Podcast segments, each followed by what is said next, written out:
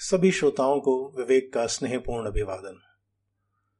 आज मैं आपके सामने सर्वेश्वर दयाल सक्सेना जी की एक प्रसिद्ध कविता लाया हूँ, जिसमें एक साथ कई अनुभूतियों का अद्भुत समागम होता है।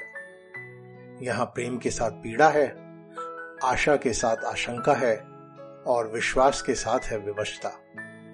बहुत कम शब्दों में बहुत कुछ कह जाती है यह कविता। शीर्षक है, चांदनी की पाँच परतें। चांदनी की पाँच परतें हर परत अज्ञात है।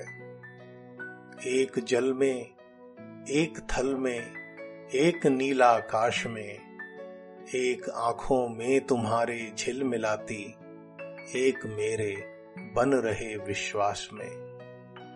क्या कहूँ, कैसे कहूँ, कितनी जरा सी बात है। चांदनी की पाँच परतें हर परत अज्ञात है। एक जो मैं आज हूँ, एक जो मैं हो न पाया, एक जो मैं हो न पाऊँगा कभी भी। एक जो होने नहीं दोगी मुझे तुम, एक जिसकी है हमारे बीच यह अभिशप्त छाया। क्यों सहूं, कब तक सहूं, कितना कठिन आघात है।